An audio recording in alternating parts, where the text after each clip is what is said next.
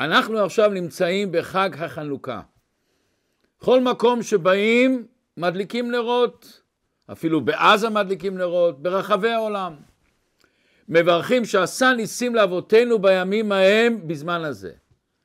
אנחנו היום כולנו צריכים ומבקשים מהקדוש ברוך הוא שיעשה לנו את הנס הגדול בארץ ישראל, שכל השונאים שלנו וכל העמלק ייעלמו מהעולם.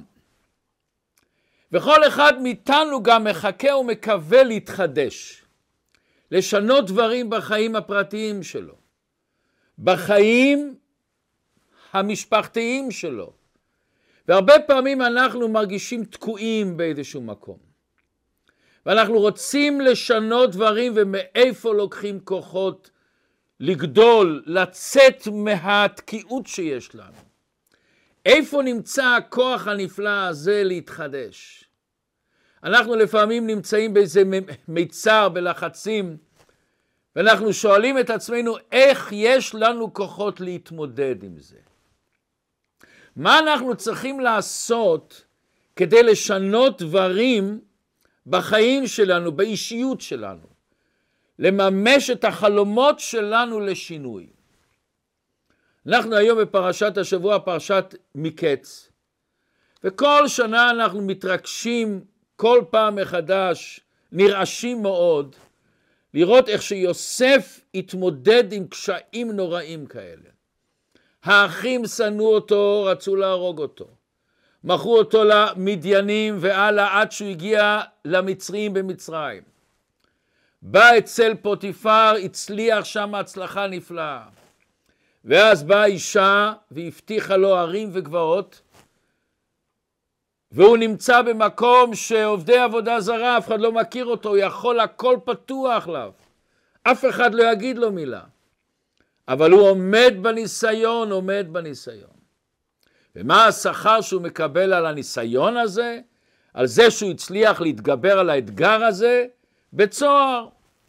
ושם יש לו את העוצמה העצומה הזו לא להסתכל על עצמו, והוא רואה שתי גויים שפניהם רעים, עצובים, מדוע פניכם רעים היום? מה השאלה מדוע פניכם? הם בבית סוהר, בבית סוהר איך מסתכלים? כנראה הוא ראה משהו מיוחד שהיה להם. ואז הוא פותר להם את החלומות. הוא כבר מקווה שאותו שר שהוא פתר לו את החלומות שהוא יזכה בחיים, יזכיר אותו לטובה לפרעה, אבל הוא שוכח אותו. ואחרי כל הצרות האלה כשהאחים באים, ופתאום הוא אומר את שתי המילים הנוראות, אני יוסף, והאחים נופלים ארצה ומבקשים סליחה, והוא אומר להם, אל תעצבו, למה אתם עצובים? אל יחר בעיניכם. כי מכרתם אותי, למה אתם עצובים? כי למחיה שלחני אלוקים לפניכם. הוא אומר כזה משפט, ואתה לא אתם שלחתם אותי, כי השם שלחני. איך יוסף יכול לשאוב כוחות נפלאים כאלה?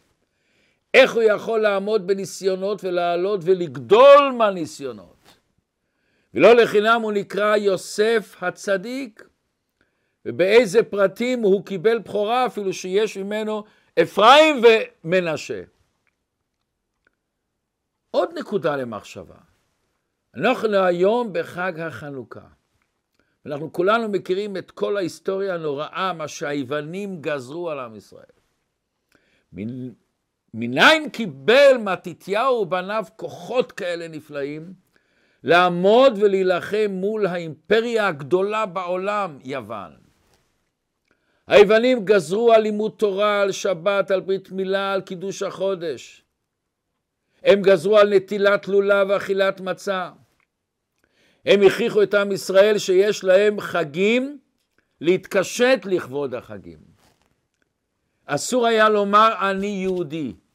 מה הם רצו? כולם שווים, כולם יוונים. ניתן, לכ, ניתן לכם שווי זכויות. ואז הרבה יהודים, השם ישמור, התייוונו. השאירו את בית המקדש, השאירו את המזבח, השאירו את המנורה, אבל תהיו כמו כולם, שיש לנו כל אחד את המנהגים שלו, את המסורת שלו, אבל תוציאו את הקדוש ברוך הוא מפה. ומי שעבר על הגזרות, בן מוות הוא. בט"ו בכסלו, לפני 2191 שנה, היוונים נכנסו לבית המקדש, פורצים את החומה, שורפים את הדלתות, והכל בעצת המתייוון שקראו לו תיתני. מטמאים את כל השמנים, מעמידים פסל על המזבח. באותו יום הם קוראים את ספרי התורה ושרפו אותם. מי מעז לעמוד מולם? בפרט שעם ישראל כבר, עם ישראל השם ישמור כבר הלך איתם. איך מתתיהו זקן, מאיפה היה לו כוח לעמוד נגד העוצמה הזאת? מאיפה היה כוח לבנים שלו ללכת? ולא רק זה, להלהיב את עם ישראל לצאת למלחמה עם המעצמה הגדולה. מאיפה, מאיפה יש כוחות? לפני שאנחנו ממשיכים, כמו שכל פעם אנחנו מבקשים, להירשם לשיעורים, לתת תגובות, אנשים מאוד נהנים לשמוע תגובות, ולעשות את הלייקים ולהפיץ ולשתף את השיעור הזה.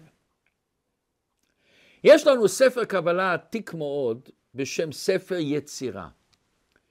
יש מייחסים אותו לאברהם אבינו, יש אפילו כאלה שמייחסים אותו לאדם הראשון, יש כאלה שאומרים שאברהם אבינו הוא נתן את הרעיונות, את המסר פה, וכתבו את זה, מי שכתב את זה רבי עקיבא.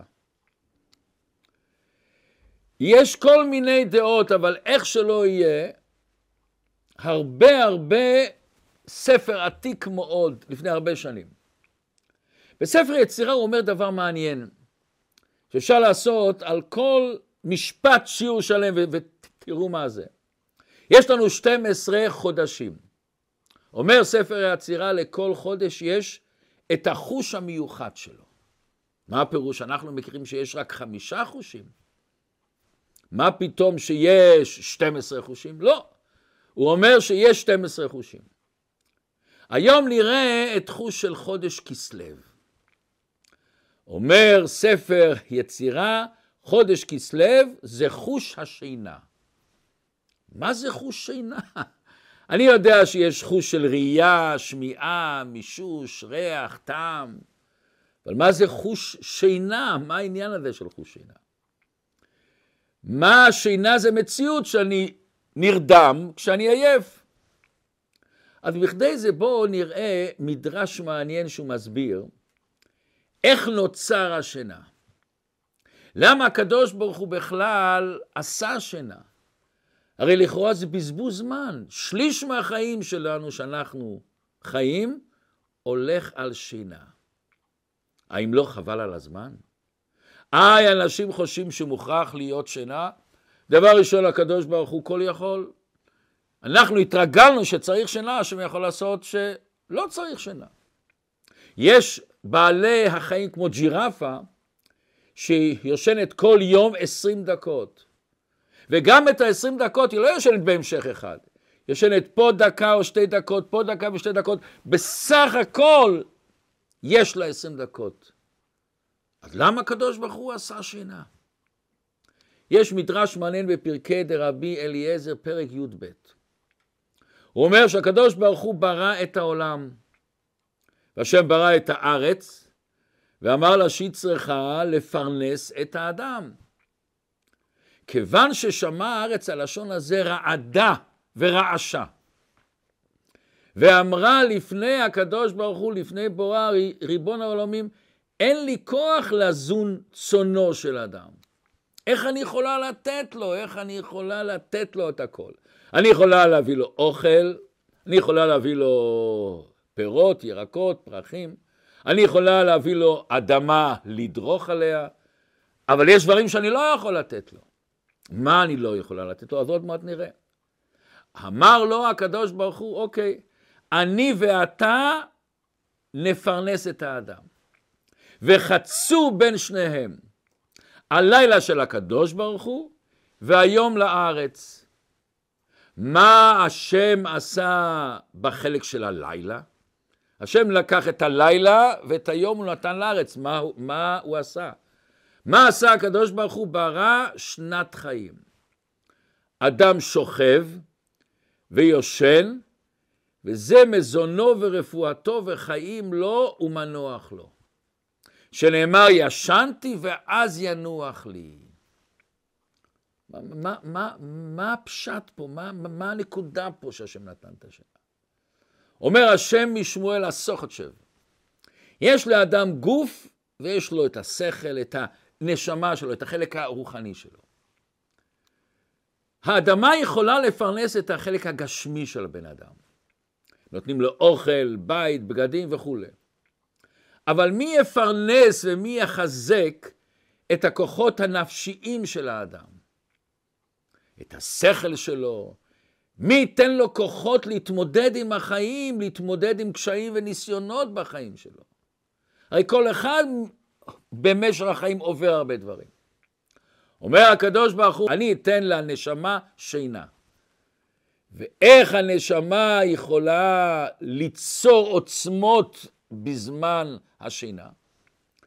בזמן השינה הנשמה מקבלת כוחות מלמעלה. ועוד מעט נראה את זה. ובואו לפני זה נראה מתי פעם ראשונה בתורה מוזכר שינה. השינה הראשונה שכתוב בתורה, ויפל השם אלוקים תרדמה על האדם והאישן. ויקח אחד, מצלותיו, ויסגור בשר תחתנה, ויבן השם אלוקים את הצלע אשר לקח מן האדמה לאישה, ויביאה אל האדם. השם נתן מתנה על הבן אדם. עשה לו עזר כנגדו. אבל בואו נראה בעומק, מה העניין הזה של שינה, ריבונו של עולם? למה צריך בשביל לקשר בין אדם וחווה, למה צריך את השינה הזאת? בפשוטו אומרים, מכיוון שהוא לקח את הצלע, אז שזה לא יכאב לו. אנחנו יודעים שלקדוש ברוך הוא אין בעיה להוציא את הצלע, וכמו שכבר דיברנו, הצלע זה לאו דווקא הצלע של גוף האדם, הצלע זה צד, כמו שאני אומר, משולש שווה צלעות, את צלע המשכן. זאת אומרת, אדם וחווה היו שתי אנשים דבוקים, בצד אחד היה זכר, בצד אחד נקבה, והשם הבדיל אותם באמצע. למה הוא צריך שהם ישנו? העומק פה הוא ככה, בכדי לבנות זוגיות, משפחה, כדי ליצור קשר פנימי ועמוק בין שתי אנשים, זה לכאורה דבר שבן אדם לא מסוגל. למה? פשוט מאוד. לכל אחד יש את האגו שלו, את הרצונות שלו, את האישיות שלו, את הייחודיות שלו. לכל אחד יש מבט אחר. גם כשאנחנו מסתכלים על אותו דבר, עשר אנשים, כל אחד רואה משהו אחר. איך אני יכול להרגיש את השני, הרגשות שלי ושלו הם שונים לגמרי? איך אני יכול להתחבר עם השני? איך אני יכול להרגיש מה כואב לו, ריבונו של עולם? איך אני יכול להגיד את המילה הנכונה? לפעמים אני אומר מילה ואתם יודעים איך זה קורה. המילה שלי עשה אצל השני, אצל הצד השני, כאב גדול. או לפעמים השני מחפש איזה מילה ואני לא נותן לו אותה. לפעמים הוא מחפש את המבט שלי בעיניים ואני לא נותן לו את זה. איך אני יכול להתחבר? איך יכולים להיות והיו לבשר אחד, ריבונו של עולם? הרי הם שונים. אומר הקדוש ברוך הוא, אתה יודע איך תעשה? אתה צריך להתרומם מעל האגו שלך. אתה צריך, בכדי להכיר ולהשלים את השני, אתה צריך להכיל את השני בתוכך. על מנת להכיר בן אדם אחר, במובן מסוים אנחנו צריכים להרדים את האני שלנו, את האגו שלנו, לשחרר את מה שאנחנו חושבים, ואנחנו בטוחים שזה האמת, ואנחנו יודעים שזהו זה ואין משהו אחר. בלי זה לא ייתכן קשר פנימי, לא ייתכן פתיחות, הקשבה אמיתית למישהו אחר, בלי שאתה יוצא מהאגו שלך. וזה השינה. זה חוש השינה. מה זה חוש השינה? כשאני יושן, אנחנו מכירים שהכוחות שלנו בהיעלם והסתר. היכולת להרפות, לצאת מהאגו שלנו, מהקופסה של הגוף, מהקופסה של הנפש הבהמית שלנו, מהיצרים, מהתאוות, מהרגשות של אני ואני ואני, מה, מהרגשות של אני ואפסי עוד, מהרצון רק לספק את עצמי ולספק את הרצונות שלי. לצאת ממה שאני מכיר ואני יודע, ואני בטוח שזה המבט הנכון וזה המציאות הנכונה, צא מזה, תיפתח. בשינה אתה באיזשהו מקום מנמיך את האגו שלך, מנמיך את הגוף שלך, עוד מעט נראה את זה יותר בפרטות. רבן לפוטפס, חסיד גדול. כשאני הלכתי להתחתן, אז הוא ישב איתי ודיבר איתי קצת. אנחנו מכירים את הבעיה שהיום בעולם, שכל דבר לומדים, על מחשבים לומדים, על מכונית לומדים, על אינטרנט לומדים, לומדים. לפעמים זוגות מתחתנים, לא, לא מלמדים אותם שום דבר. לוקחים בחור ובחורה, זורקים אותם, תתחילו לחיות ביחד. ולחיות ביחד זה לא כמו לחיות עם איך השם אני יכול להסתדר בכל. אין לו רגשות, הוא אוטומט. אני יכול לכעוס עליו, הוא לא נפגע בכלל. אבל איש ואישה זה עבודה. לכן מאוד חשוב שכל זוג שהולך להתחתן, שילמד, ילמד את הנושא הזה של המבט, של ההרגשות של השני. ולא רק זה, גם ההורים צריכים ללמוד. אצל ההורים שהם מחתנים בן או בת, זה שלב בחיים שלהם. הם צריכים ללמוד מה הסודות, איך הם יוכלו לגרום שהזוג יהיה באהבה ושלמות, וחס ושלום להיפך מזה. אז הלכתי לרב מלך פוטפס. ואז באיזה שלב הוא אומר לי, קנית כבר טבעת? אני אומר לו, כן. אני רוצה שתביא לי את הטבעת, אני רוצה לראות אם הטבעת כשרה. לא הבנתי, מה זאת אומרת, טבעת כשרה? מה יכול להיות כשר? טבעת, טבעת זהב. אוקיי, אבל הוא אומר, אני מביא. ואז אני נכנס אליו הביתה, ואני הבאתי את הטבעת, ואז אני מראה לו את הטבעת, ואז הוא לוקח את הטבעת ואומר לי, מה אתה רואה בטבעת? מה אני רואה? חתיכת זהב, עגול. מה עוד אתה רואה? מסתכל, זהב בצבע צהוב ועגול. אתה לא רואה את העיקר, הוא אומר לי. העיקר זה החלל, המקום הריק בתוך הטבעת. החלל הריק הזה. כשבן אדם הולך להתחתן, הוא צריך לעשות בלב שלו, במוח שלו חלל. להכיל את השני, לקלוט את השני, לצאת מהמציאות שלו לקלוט את השני. ואותו דבר היא. שניהם צריכים לעשות חלל, וזה המסר של הטבעת. ולכן משאירים את זה על היד כל הזמן. תזכור תמיד את החלל, תזכור תמיד את החלל. השינה בכמות הנכונה, לא יותר ולא פחות. לפי הרופאים היא מאוד בריאה לגוף האדם. היא עושה שיפור ביציבות הרגשית של האדם.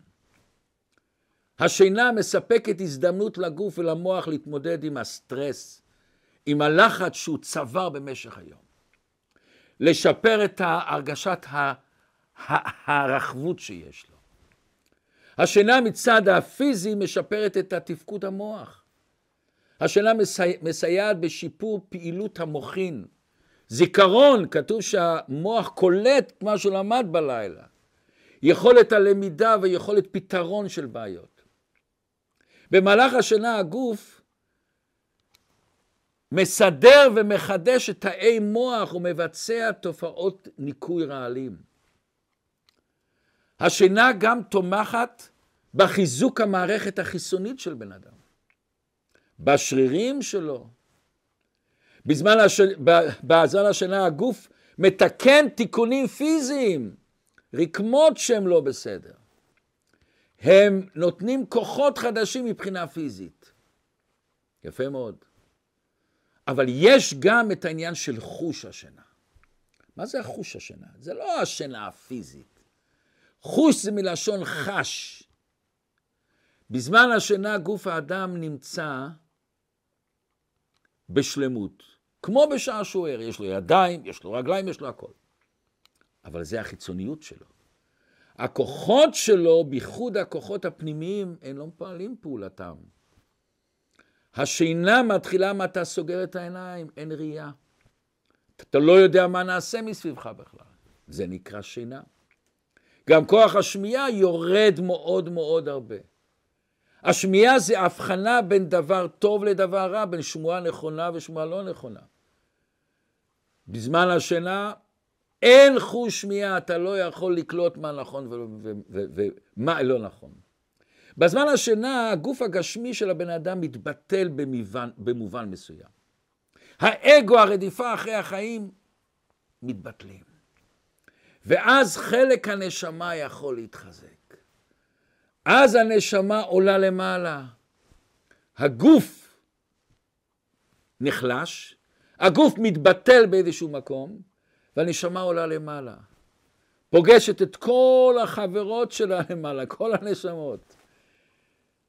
עושים פברגן גדולה ומקבלים כוחות חדשים ורעננים. אבל כדי לקבל את הכוחות הנפלאים של הנשמה שעולה למעלה, את הכוחות האלה שייתנו לנו עוצמות עצומות שהנשמה יורדת לגוף. איך אני עושה את הקשר הזה? איך אני עושה באמת שהיא מקבלת את הכוחות ושאני כלי שאחרי זה היא תוריד את זה אליי. השם נותן לנו תהליך מיוחד. שכולנו עושים לפני השינה ולאחרי השינה. לפני השינה אנחנו אומרים קריאת שמע על המיטה. ואנו מתחילים לומר, ריבונו של עולם, הריני מוחל וסולח לכל מי שהכעיס והקנית אותי, או שחטא כנגדי, בין בגופי, בין בממוני, בין בכבודי ובין בכל אשר לי. יש כמה נוסחים, לקחתי אחד מהנוסחים הספרדים. בין באונס, בין ברצון, בין שוגג, בין במזיד, בין דיבור, בין במעשה. בין בגלגול זה, בין בגלגול אחר. לכל בר ישראל, והוא מבקש שלא יענה שום אדם בסיבתי. ואז אנחנו מבקשים שאני לא אחטא עוד, ומה שחטאתי לפניך מחוק ברחמיך רבים.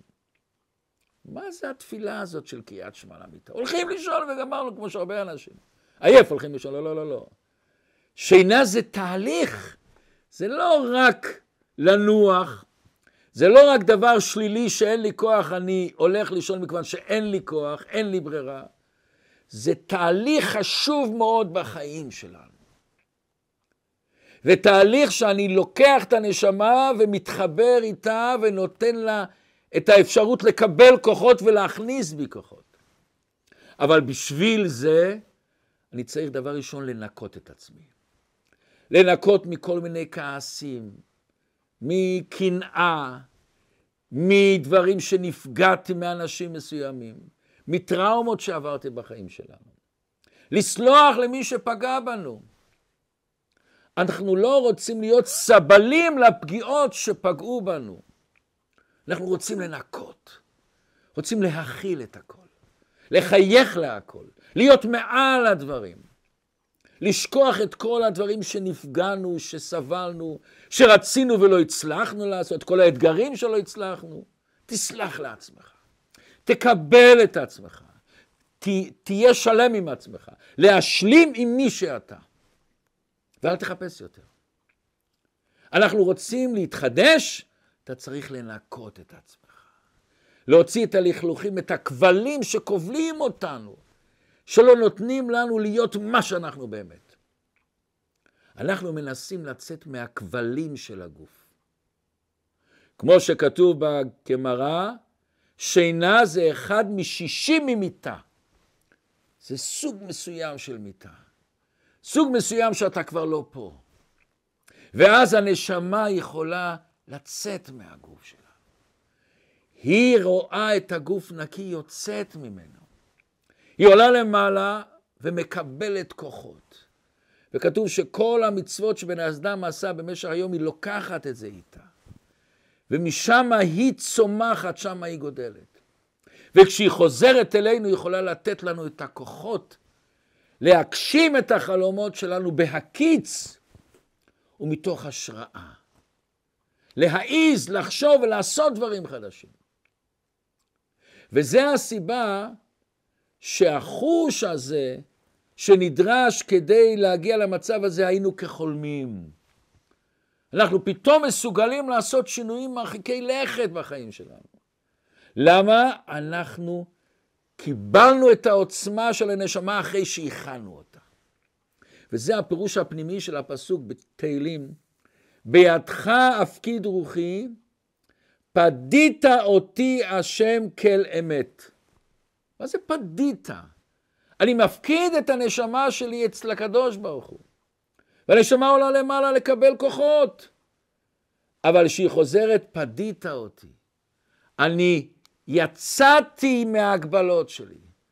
אתה נתת לי עצ... אה, כוחות חדשים. ולכן כשהנשמה חוזרת בבוקר לבן אדם, שהוא מתעורר, בא השלב השני. השלב הראשון, אנחנו ניקינו את עצמנו מכל הכעסים, מכל ה... כל המלחמות שיש לנו עם עצמנו. הדבר השני, אני אומר, מודה אני לפניך מלך חי וקיים שהחזרת בי נשמתי בחמלה רבה אמונתך. כשאנחנו אומרים את התפילה הזאת בכוונה, ברגש פנימי, וואו, זה ממלא אותנו בהרגשה נפלאה, בתודה לקדוש ברוך הוא, למתנה הנפלאה שהשם נתן לנו. הוא נתן לנו נשמה אלוקית, הוא נתן לנו. ובשעה שבן אדם מתבונן באותו נשמה אלוקית, איזה אור יש לה, איזה קדושה יש לה, איזה אצילות, איזה יופי, איזה מידות טובות יש לה, איזה עוצמות יש לה. וכשאתה מסתכל על הטוב שיש לך שקיבלת, על הנשמה הזאת זה נותן לך הרגשה נפלאה, מוטיבציה וחיות לעשות את השליחות שלך בעולם. ואתה מתמלא בערך הגדול שהשם נותן לך, נתן לך שליחות. רבה אמונותיך, השם מאמין בי, שאני יכול לעשות את השליחות שלי, יש לי את כל הכוחות האלה. וסיפרנו לפני כמה שיעורים את הסיפור הנפלא של הרב אברמסקי בסיביר, איך שאותם שתי מילים רבה אמונתך, שינה לו את כל המצב שלו בסיביר. ואחר כך אנחנו אומרים עוד תפילה מרגשת. אלוקיי נשמה שנתת בי טהוריי. נתת את זה אצלי, זה לא אצל השני, זה אצלי. אל תסתכל עליך כמו שאתה מושחת, שאתה לא בסדר, שאתה לא מוצלח. יש בך נשמה שנתת בי תוראי. אתה בראתה, אתה יצרת ואתה נפחת בי. ולא רק נפחת בי, ואתה משמרה בקרבי. היא תמיד תישאר גם שאני מתלכלך חס ושלום. גם שחטאתי ואהביתי ופשעתי והייתי אגואיסט והייתי אכזר ופגעתי באנשים, תמיד היא נמצאת אצלי, אתה צריך רק להתקשר אליה. כל זמן שהנשמה בקרבי, מודה אני לפניך, השם אלוקיי ואלוקי אבותיי. ריבון כל המעשים, אדון כל הנשמות, ברוך אתה השם המחזיר נשמות לפגרים מתים. פגר מת זה הנפש הבעמית הזאת. האגו-צנטר, המקור של כל הצרות שבעולם. אבל השם מחזיר נשמות גם לפגרים מתים. עכשיו נבין מאיפה יוסף שאב כאלה כוחות נעלים. להתמודד עם ניסיונות קשים כל כך, כמו ששאל. הוא התחבר לנשמה שבו. הוא האמין בכוחות שהשם נותן לו. שהשם נותן לו ולכל אחד כאשר הוא שולח אותו לעולם. ותראו דבר מעניין. יוסף נקרא בעל החלומות. יוסף וחלומות, אנחנו יודעים, היה מאוד קשור. הוא חלם חלומות, הוא פתח חלומות. יוסף היה בעל של החלומות, הוא היה בעלים. הוא הבין את הכוח העצום שיש לנו בזמן שינה. הוא הבין את הכוח העצום שיש לנו בשינה שאנחנו יכולים לחלום. החלום הזה, החלום הזה, זה לכאורה דבר לא מובן. איך יש לי כוח לחלום על דברים שלא שייכים במציאות, שאני עף, שאני נוסע, שעשיתי, ודברים מסוימים.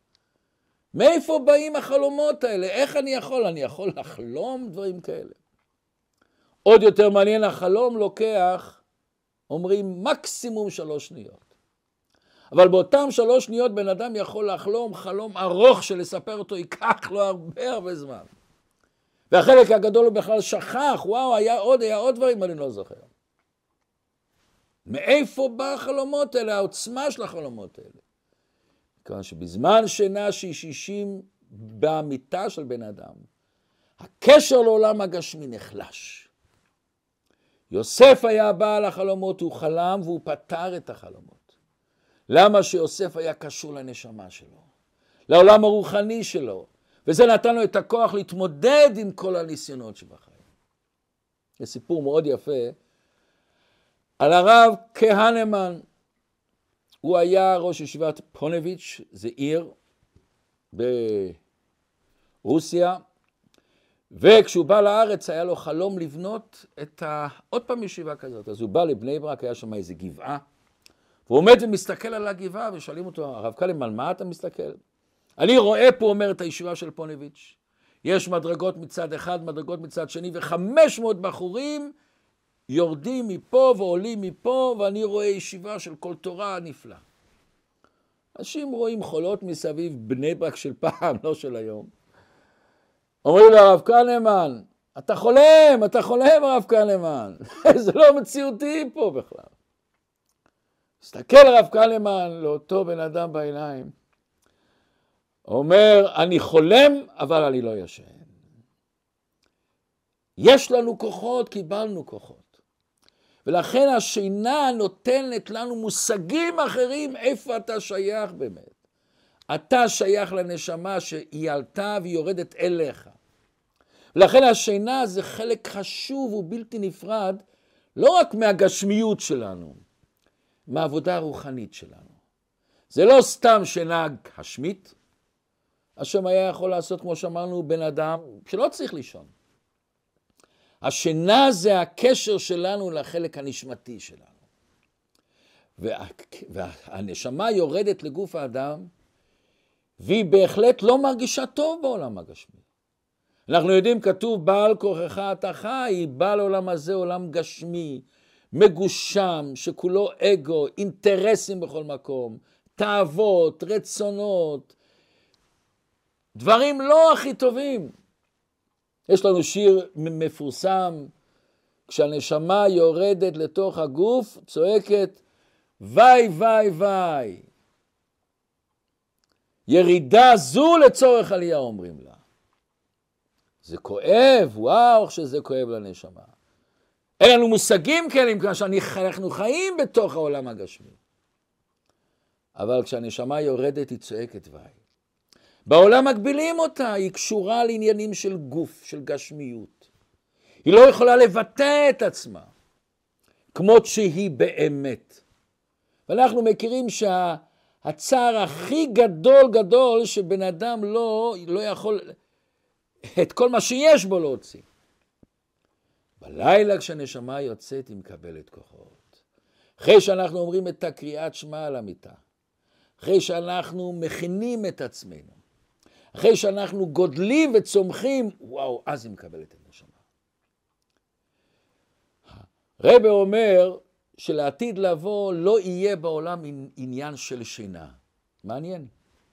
למה היום בזמן הגלות יש, ולעתיד לבוא בביאת משיח לא יהיה, בתחיית המתים לא יהיה?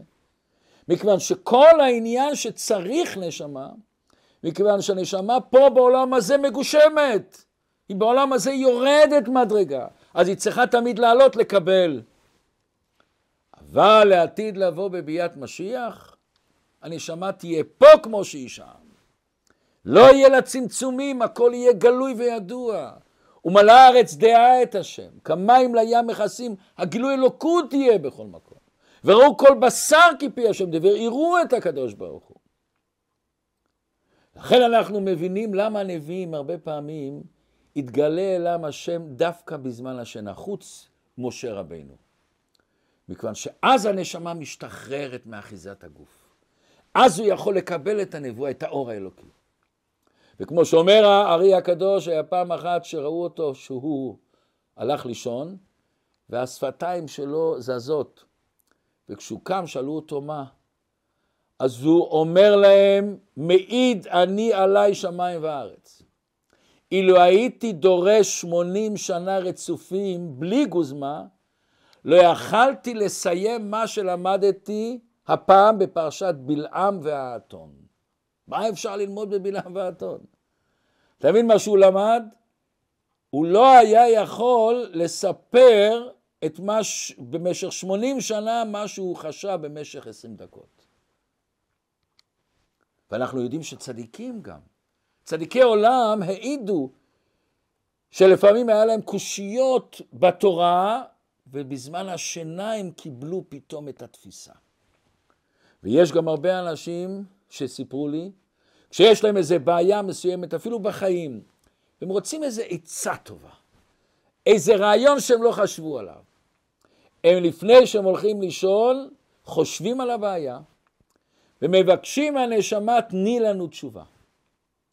לא כל פעם, בהחלט לא כל פעם, אבל לפעמים פתאום הוא קם בבוקר ומתנצץ לו רעיון איך לפתור את הבעיה. בזמן האחרון, מה שעוברים בארץ ישראל, קראתי סיפור מעניין מאוד. יש קובץ של ו"ו העמודים וחישוקיהם. והיה שם אחד ששאל את הרב יצחק זילברשטיין שאלה. אחד מה, מה, מהאנשים שחי בעוטף עזה, שחזר בתשובה לפני כמה שנים בליל שמחת תורה שחל בשבת, הוא רואה את הרב שלו שהחזיר אותו בתשובה, אומר לו, תקום, תיקח את אשתך ואת הילדים, תעזוב את המקום, זה מקום סכנה. הוא, הוא קם, הוא צוחק, חלומות, חלומות שעה מדבר. בפרט זה בשבת, אני לחלל את השבת, לא עלה על בית דעתו לחלום. והוא לא יכול עוד פעם לישון. ושוב הרב שלו בא אליו בחלום וצועק, תעזוב את המקום, זה מקום סכנה. הוא התעורר, הוא הרגיש בצוואר חנק כזה, חנק כזה. לקח לו כמה זמן להתאושש, הוא מעיר את אשתו, אומר לו, מה נעשה, מה נעשה? אומרת לו, תשמע, כזה דבר פעמיים, ואתה מרגיש עוד... אנחנו הולכים לנסוע. והוא נסע. לקח את הילדים, נכנסו לרכב, ברחו. השם ישמור אחרי זה נודע על הטבח הנורא. ביישוב שלו נהרגו הרבה אנשים. אז המצפון שלו אבל שוכב בלב. נכון, ניצלתי, אבל אולי חיללתי את השבת? זה שעשיתי כזה חילול שבת רק על סמך חלום, זה מותר? אז הוא שאל, שאל את הרב זילברשטיין האם הוא עשה איסור או לא. למעשה הוא פסק לו שזה, שהוא לא עשה איסור, וסתם הוא הביא סיפור מעניין, שאבא של הראש, אחד מהגדולי המפרשים, בא בליל שבת לאלמנה שלו, ואמרה לה, תברחי מהר, מחר יהרגו את היהודים במקום הזה. והיא עשתה, ואומר החידה שהוא מכיר את הסיפור, וכך חייה ניצלו. וזה הסיבה גם בחג השבועות, אנחנו יודעים, לא הולכים לישון. למה לא הולכים לישון באמת? כתוב באחד הטעמים לכפר על החטא של בני ישראל. מה היה החטא שלהם? כתוב שלפני קבלת התורה בני ישראל הלכו לישון. הלכו לישון? שואל הרב, איך ייתכן? הם חיכו למתן תורה מזמן של יציאת מצרים. כתוב שכל ספירת העומר, למה הם ספרו? השם אמר להם עוד חמישים יום תקבלו את התורה, התחילו לספור יום יום ראשון, יום שני, כל הספירת העומר, הציפייה הגדולה למתן תורה, לקבל את התורה. ואז כשאתה יודע שהיום הולכים לקבל את התורה, אתה הולך לישון? רבי מסביר למה. מכיוון שהתורה היא קדושה עליונה. בני ישראל חשבו, בכדי לקלוט את התורה, צריך להשתחרר מהגשמיות, צריך להשתחרר מהגוף. איך אני יכול בגוף לקבל את התורה? זה מה שכותב בספר יצירה בחודש כסלו מאיר חוש השינה. החוש של בן אדם, לצאת מההגבלות שלו, מה, מהגשמיות שלו. להיכנס לעולם אלוקי, זה יש בחודש כסלו. וזה נתן את האור הגדול למתתיהו ולכל הקבוצה שלו. חודש כסלו בזמן היוונים היה פגום ומקולל כל המצב. היה צריך אור גדול שירד וירפא אותם. וכתוב שזה היה אור נעלה, זה היה מהאור הגנוז של, תחי... של לעתיד לבוא. החשמונאים, הם הרגישו את האור הזה. חשמונאים זה חש שמונה, אנחנו יודעים שהמהר"ל אומר, שבע זה תמיד דבר שקשור בעולם, יש שמיטה ושבע ימים. שמונה זה תמיד מעל הטבע. חנוכה זה שמונה ימים זה מעל הטבע. ברית מילה זה קשר מעל הטבע. אז כמו שאנחנו אומרים בימים ההם בזמן הזה, כל שנה ושנה נפתח לנו מחדש הפתח הזה לאור הגנוז הזה. וכשמדליקים נרות אנחנו צריכים להתבונן, להתקשר לנשמה שלנו. להתקשר לנשמה שלנו שהתכוננו לקבל אותה בקריאת שמע על המיטה, וקיבלנו אותה והחדרנו אותה במודעות שלנו שאמרנו מודה אני, ואומר הבעל שם טוב שאם בן אדם רוצה לחפש את הקדוש ברוך הוא בתוך החושך, הוא כבר נמצא באור. הוא כבר נמצא בכיוון של האור. ובחודש כסלו, בימים ההם, בזמן הזה, כל שנה האור הזה חוזר. המסירות נפש של החשמונאים. האור הזה שהם הדליקו גם בחושך הכי גדול. לכן רואים דבר נפלא. אין לנו כזאת מצווה כמעט, שבמקומות הכי נידחים והכי חושך בעולם, שמדליקים נרות חנוכה. וזה העוצמה שלנו, כל שנה ושנה להדליק את הנרות, ולהתכוון מאוד שעשה ניסים לאבותינו בימים ההם ובזמן הזה, גם בזמן הזה. שנזכה כולנו, שיהיה ניצחון גדול בארץ הקודש, שכל החולים והפצועים יהיו בריאים ושלמים, וכל החטופים יחזרו בשלום לארץ הקודש. שנזכה בקרוב ממש לביאת משיח צדקנו פה בעולם הזה, למטה מעשרה טפחים.